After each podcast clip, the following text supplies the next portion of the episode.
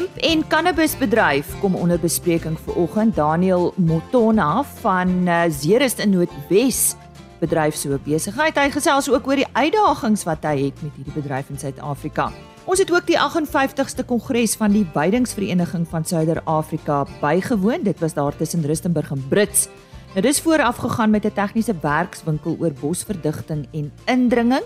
Ons het daar met een van die wetenskaplikes Arnou Leroux gesels en Ostie Rand vertel ons ver oggend waarom hy vanjaar Nampo Kaap bywoon. Hartlike goeiemôre van my Lise Roberts. Dit is tyd vir RSG Landbou. Ek vertrou jou naweek was net wonderlik. Nuus oor veilinge wat hierdie week plaasvind. Môre 8 Augustus MG Jacobs Brahman produksieveiling. Dit is by die Mooirivier veilingskrale aangebied deur AAM en Swift Vee. Woensdag 9 Augustus, die 38ste nasionale Brangus veiling. Ons het al daaroor gesels. Dit is by die Afridome in Parys. Die 10de Augustus, die 36ste produksieveiling van Mielieboere Bonsmaras en ek het reeds donderdag met Lawrence Allam hieroor gesels. Op 11 Augustus gesamentlike veiling van Sabatya en Boshoek Bonsmaras wat nou bekend staan as Bonsmara Genetics en ek het reeds met Andre van Heide gesels is natuurlik op die plaas smalle pad daar in die Rutan omgewing. Hierdie week se veilingsnuus. Die hemp en cannabisbedryf hou baie voordele in. daarmee saam glo Daniel Motona, direkteur van Nongos Joint naby Zeerust in Noordwes dat die bedryf goed op dreef is in Suid-Afrika. Christelise Miller het met hom tydens die provinsiale departement van landbou en landelike ontwikkeling se bekendstelling van die provinsiale jeug in landbou en landelike ontwikkelingsstruktuur oftewel JAAD gepraat en dit was daar op Potchefstroom. Daniel tell us more about your company. Yes, uh, Nongos Joint was established in 2018. It's uh, we are in the hemp industry, the cannabis uh, industry. Our focus is on livestock feed and also the industrial application, which is your building materials like hempcrete and fiber composite boards. But the two key areas that we're focusing on is livestock feed and the industrial aspect of it. How do you produce it? Do you have available land and where you based? Yeah, we are based in Ziras, a small village called Khopane. We have applied for a permit and then we did get a permit from Dalrat. Uh, so we have also been assisted by the Department of Agriculture to, you know, do some boreholes and stuff like that. And we will be starting to do some seed variety trials at the farm with partnership uh, with Grow One Africa and ARC. Because if you can see, there's a huge challenge of seed so most of the seed in South Africa are not registered and uh, therefore we must import seeds. So with this kind of approach with research and development with the Grow on Africa and ARC, we will start to collect uh, land raised seeds and uh, do those variety seed trials to see which uh, seeds performs better. And with that, it will assist the industry to have our own local seeds registered with the relevant departments so that we are able to unlock the industry. From where are you importing seeds at this stage? Most seeds are imported from from Canada, from the Czech Republic, from Russia, you know, from many other countries that has been uh, at the forefront of uh, the hemp and cannabis industry. How many hectares do you plant and on which land? Yes, for now we have got a permit for 20 hectares, but the maximum permit allocation for in South Africa is 50 hectares. Also the 50 hectares we're still challenging government to say why the limitation of 50 hectares? What influences the 50 hectares? Like in Sonneblom and other maize and uh, you can plant as much as you can. So for the for the hemp industry to to to to be successful there must be an, a serious appetite for that in South Africa. So we must start to change the legal framework around the 50 hectare limit. It must be open for many hectareages so that's the direction that we we if as a country that's the direction we need to go Daniel, why did you decide to approach the hemp industry? Yeah, well, I started my career as a military vet. I mean, I was in the army. Uh, I was an Air Force pilot. So when I resigned from the Defense Force, I started uh, interrogating the, the cannabis industry.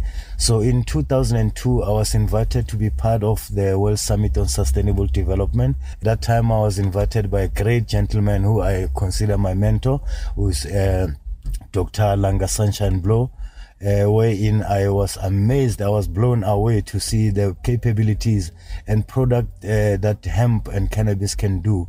Over 50,000 uses. So then I decided to to choose my line, which is uh, the industrial application and livestock feed. So that's how I came into the industry. So, but also I'm a user, you know, of cannabis. Yeah. So yeah it's been it's been a great journey but also a difficult one. But the plant has got lots and lots of intelligence. So i i have uh, uh, decided to look into the plant and try to understand the intelligence of the plant and also learn from the plant because it teaches me every day i learn something new from this plant. Tell me more about the animal feeds. Yes the you know it's like animals who are mammals you see, so our body structure, our DNA, we we've got the endocannabinoid system. So the the even our body genetically, our DNA, we have the cannabinoid receptors just the name itself, you see there's cannac, that is from cannabis. So there are chemical compounds like your THC and CBD that is uh, produced by the plant. So in its raw form, you get uh, your THCV, uh, so that the THC is activated by heat. So THC is the psychoactive component, but uh, as raw as it is with the seeds and all that, it is not psychoactive. So the animals can benefit there because now this plant has got anti-inflammatory uh, properties and also it's rich in omegas, uh, omega 9, omega 9, omega 3 and omega 6 fatty acids. So it's very it's very uh, good in, in in proteins. So that is why the animals can also benefit a lot from from this plant. But how how does it work? Do you mix the formula into your normal feed? Yes, you can mix in your normal feed and make pellets and whatever the, how you you can mix it. So you mix it so that your animals can get a benefit of it as well. And you produce that pellets? Yes, we produce those pellets. We produce those pellets. And animals can also eat the leaves as well. You know, the leaves are also, they've got some nutritional values as well. But there are some restrictions though. I mean, you can't overfeed them. Look, for now, it's a new thing in the country. So there are some legal frameworks that needs to be shifted in terms of your, your food regulations, your, your, your food regulatory authority. So these are these are we are we are actually on the sandbox. We are actually tra- trialing these kind of things so that we've got the necessary approvals from necessary authorities. So it's a new thing. We are pioneering the, the industry. So hence we are engaging highly with government as we are invited here to be part of the youth in agriculture by the Department of Agriculture and, and, and yard so that we can share this kind of information, share knowledge and empower people, but also talk on the harm reduction, especially for the, for the adult use, you know, so these are discussions that we are trying to move into and try and assist the regulator to bring proper regulation framework so that our communities can benefit. As you can see, most of uh, the feed or superfood are imported, so we want to capture and get into that market. So at this stage, it's still a pilot project. You're not selling the pellets. Yeah, yes, we are, we are not selling now. It's it's a, it's a pilot project. We're doing uh, quite a number of researches uh, so that uh, everything that we do we do have got a scientific backing. What else are a challenge for you at this stage? One, let's look at it from a point of view where someone is from a deep rural area they want to apply for a permit, they've got a virgin land. One, you have to have a, a, police clearance, you have to have a lease agreement. And in communities, in tribal communities, we don't have a lease agreements, we have PTOs. And also the timeline where to receive a permit. I can make a reference. In Zimbabwe, it's only three days. Once your all the document, documentation are right, it only takes three days. Here in our country, you are not sure. It took me almost nine months to get a permit. So if you can fast track those kind of things. The second one is is the legislation. Uh, we just recently come from the Pakistan Cannabis Lab, where at least now there is a there is a, a, a you know a good direction that has been uh, formulated now to unlock the industry. So the regulation in terms of uh, putting cannabis under the Drugs Trafficking Act, it's something that must be moved away so that the Plant Improvement Act can be beefed up so that it can accommodate. Two, uh, the third one is that the, the regulations actually now limits us, but the idea that we are putting forward is that let the, the planting not just taken as a normal plant and then the regulations will come now on the product line. If i plant uh, cannabis then what i make there if i make medicine it would be regulated by sapra. If I make food or cosmetics or whatever, then it will be regulated by that body. So the planting should just be a normal planting, like any other thing, like any if we plant cabbage or anything. Let's just plant, and then the regulation will come on different products that you do, so that at least we we are sure that uh, whatever feed whatever if you take it as medicine if it's a superfood then for for safety of our people then the regulator can come in, the testing and all those things can come into play, but not just to regulate just from the planting. If people want to invest in the industry, where do they start? Where can they get information? Well, if you go to the DALRAT, www.dalrat.gov, and you click on hemp application, you'll get uh, different guidelines on what is the hemp application, how many licenses are there, like your transportation, your cultivation, your research. There are a number of permits that you can apply for depending on what you specifically want to do. You can go also go on the Cannabis Development Council uh, of South Africa. You can also see the what the organization is doing to assist people. And also you can go, there's a, a, kind of a Chiba Cannabis Academy that you can also go on their website, which is chibaafrica.com. You can see all the training programs that are there. But I can also share my numbers to the audience as well so that whoever is interested, they can give me a call. My, my phone line is all, always open and my number is 072 334 2796. 0723342796. Christelise Miller wat daar gesels het met Daniel Motona, eienaar van Nongos Joint naby Zeerust in Noordwes. Sit hom daar by die Landbou College op Potchefstroom raak geloop. Die 58ste kongres van die Weidingsvereniging van Suider-Afrika is vanjaar tussen Rustenburg en Brits gehou. Nou dis vooraf gegaan met 'n tegniese werkswinkel oor bosverdigting en indringing. 'n Paar wetenskaplikes het hul kennis gedeel en eh, Susan Maree het daarna met Arnou Leroux gesels. Hy is 'n konsultant en weidingskundige van Bella Bella.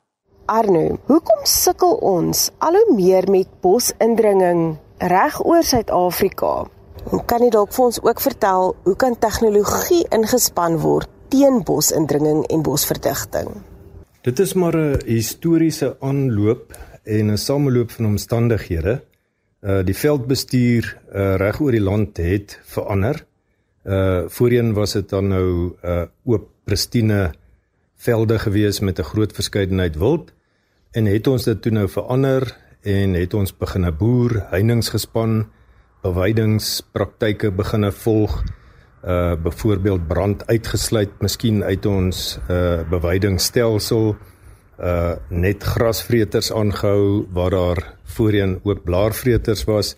So dis eintlik 'n hele sameloop van omstandighede wat baie faktore in die veld beïnvloed het en met bos indringing of verdigting kan ons nou sê dit het dit negatief beïnvloed en vandag sit ons met plase wat toegegroei is en die draagkrag het aansienlik verlaag is dit net ons mense se skuld of is daar omgewingsfaktore wat ook ingespeel het?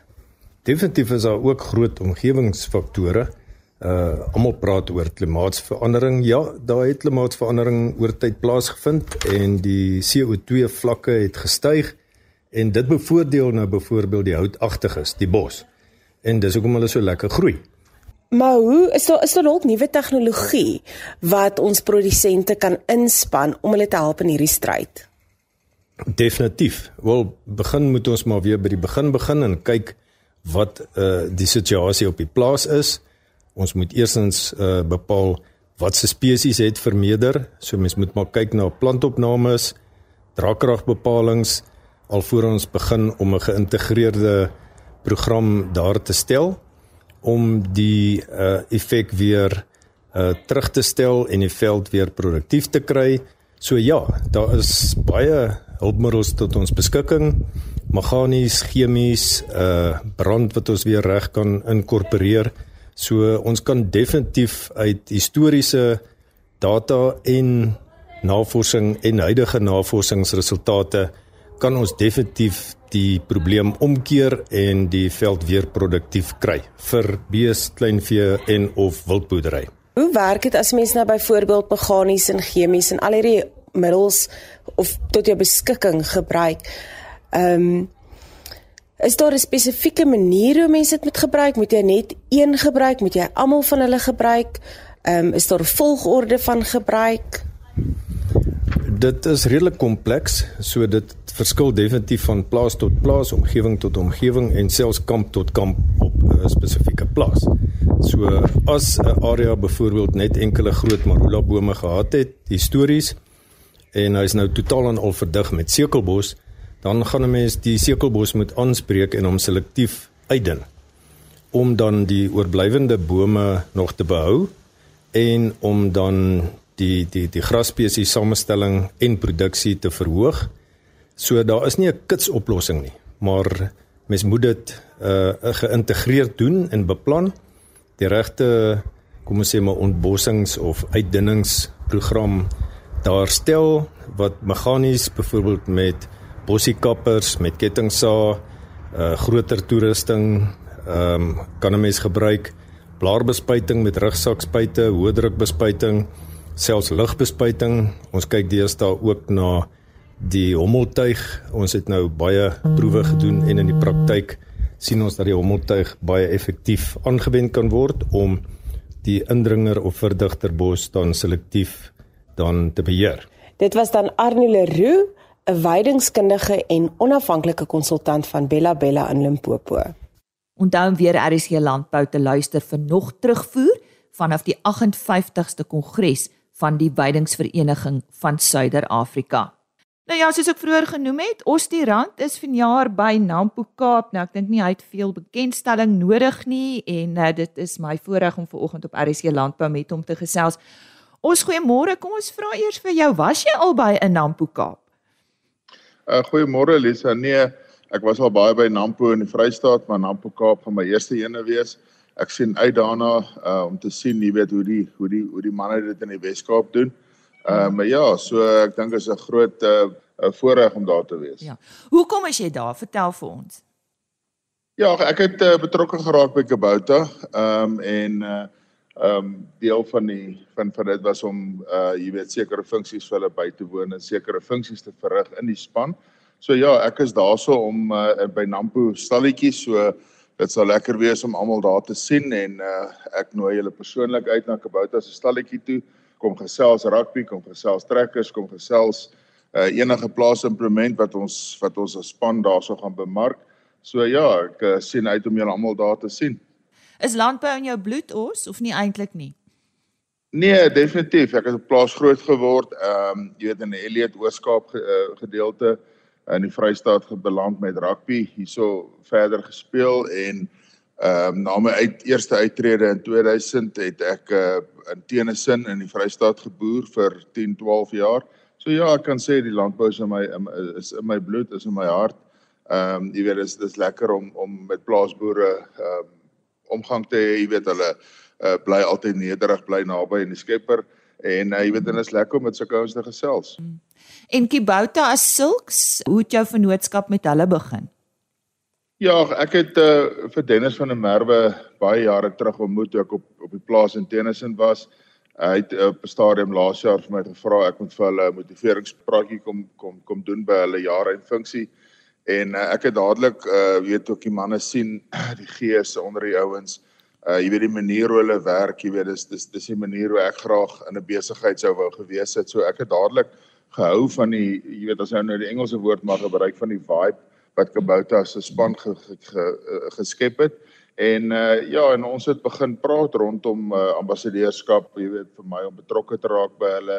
Ehm um, en uh jy weet en ons het dadelik aanklank gevind met mekaar en en ek en Dennis het die het die geselsie mekaar gesit en ek het uh, vir Arian hulle hulle hoof van van van uh Nederland ontmoet, ehm um, ook dadelik van hom gehou. Ehm um, jy weet en en die praatjie van daarin en, en so het ek betrokke geraak by hulle. Mm, mm. Nou kan belangstellendes uitsien na iets nuuts by Nampo Kaap van Kibouta se kant af dink jy? Ja, ek dink so. Ek ek dink vir eers dat iets wat nuuts is, seker kan ek nou maar sê tong in die kies sê is ek. Uh iets wat wat Kibouta nog nie gehad het by by Nampo Kaap nie en ehm um, ja, so ek dink jy weet soos ek net gesê het, kom so intoe, kom kyk wat daar aangaan, kom gesels.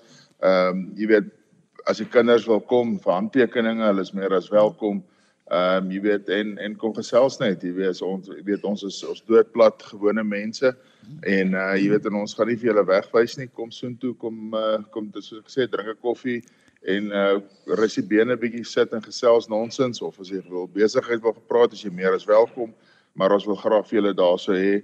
Ehm uh, ons wil graag vir julle ontmoet en en uh met julle ja. geselsie aanknoop uh, ons so tong praat van tong in die kies, um, geen tegniese vrae nie. ek kan probeer antwoord as jy wil. nee, as die mense by jou kom kuier daar, hulle moet maar verkieslik nie die tegniese vrae vra nie. Ja, hulle kan maar vra. Ehm um, ek is ek is seker daar sal 'n tegniese persoon altyd ja. naby my wees wat ek Goed. wat ek na uh, ver, uh, verwys na iemand ja. toe. Ehm um, so ja, nee asseblief moenie moet laat niks jou afskrik nie. Ehm um, as ek dit nie as ek dit kan antwoord nie dan uh, kry ons iemand wat uh, wat wel dit ja. dit kan doen jy weet daar sal daar sal verkoopsmense wees daar sal tegniese mense wees uh, jy weet so dit sal nie 'n probleem wees om jou af te sluit jy's nou maar 'n man wat ook maar die wêreld al deur gereis het. Wat dink jy van 'n geleentheid soos 'n Nampo al is dit nou in hierdie geval 'n Nampo Kaap? Mens wonder soms vir die mense wat nou nie wêreldreisigers is nie is dit regtig so wow? Ag ek dink jy weet die die lekker daarvan is weet dis dis dis 'n lekker trippie. Ehm um, ja daar's daar's baie voordele daar's daar's ek weet en dis is lekker om net uh, jy weet iewers te kan gaan om te kan gaan sien wat is die toerusting wat beskikbaar is. Uh, jy weet jy oud altyd die idee van in jou boerdery jy wil uitbrei, jy weet jy wil iets gemakliker maak. Ehm um, jy weet en en om om by so 'n geleentheid te kom, jy weet sien mens uh, iets dalk wat jou wat jou lewe makliker maak as 'n boer. En en ek dink dit is die hoofdoel hoekom hoekom sulke sulke geleenthede jy weet geskep word. Op 'n of ander dag gaan jy soen toe met die oog om jou om jou boerdery te verfyn, seker te maak jy weet dat jy kan uitbrei en jou boerdery uh, in vandag se lewe wat alles so kompeterend is, die die rand rand dollar wissel wisselkoers maak dit jy weet dat jy moet jou boerdery absoluut perfek hanteer, um, optimaal uh, ingestel hê sodat sodat jy ehm um, wanneer jou winsgrens is is is onder soveel enorme druk, jy weet dat jy moet uh, seker maak dat jou implemente en jou toerusting ehm um, dit waarmee jy gebruik om om jou boerdery te bedryf dat dit in top topklas kondisie en ook topklas uh, uh implemente en en en en en infrastruktuur is, jy weet. So ek dink in daai opsig is dit belangrik hmm. dat almal by so 'n plek uitkom. Nou ja, so sê ons die rand, soos ek genoem het, hy is vanjaar by Nampo Kaap by die Kubota stalletjie gaan skud gerus sy hand. Nampo Kaap is vanaf 13 tot 16 September op Bredasdorp. Dis dan vandag se RSG landbou môreoggend Isak Staats van BKB aan die woord. Hy uh, kyk na vooruitsigte vir die wolbedryf. Die seisoen is uh, om die draai. Dit is dan van die nuus in môreoggend se RSG Landbou. Vir enige navrae, RSG Landbou by plaasmedia.co.za. Geniet jou dag. Totsiens. RSG Landbou is 'n plaasmedia produksie met regisseur en aanbieder Lize Roberts en tegniese ondersteuning deur Jolande Rooi.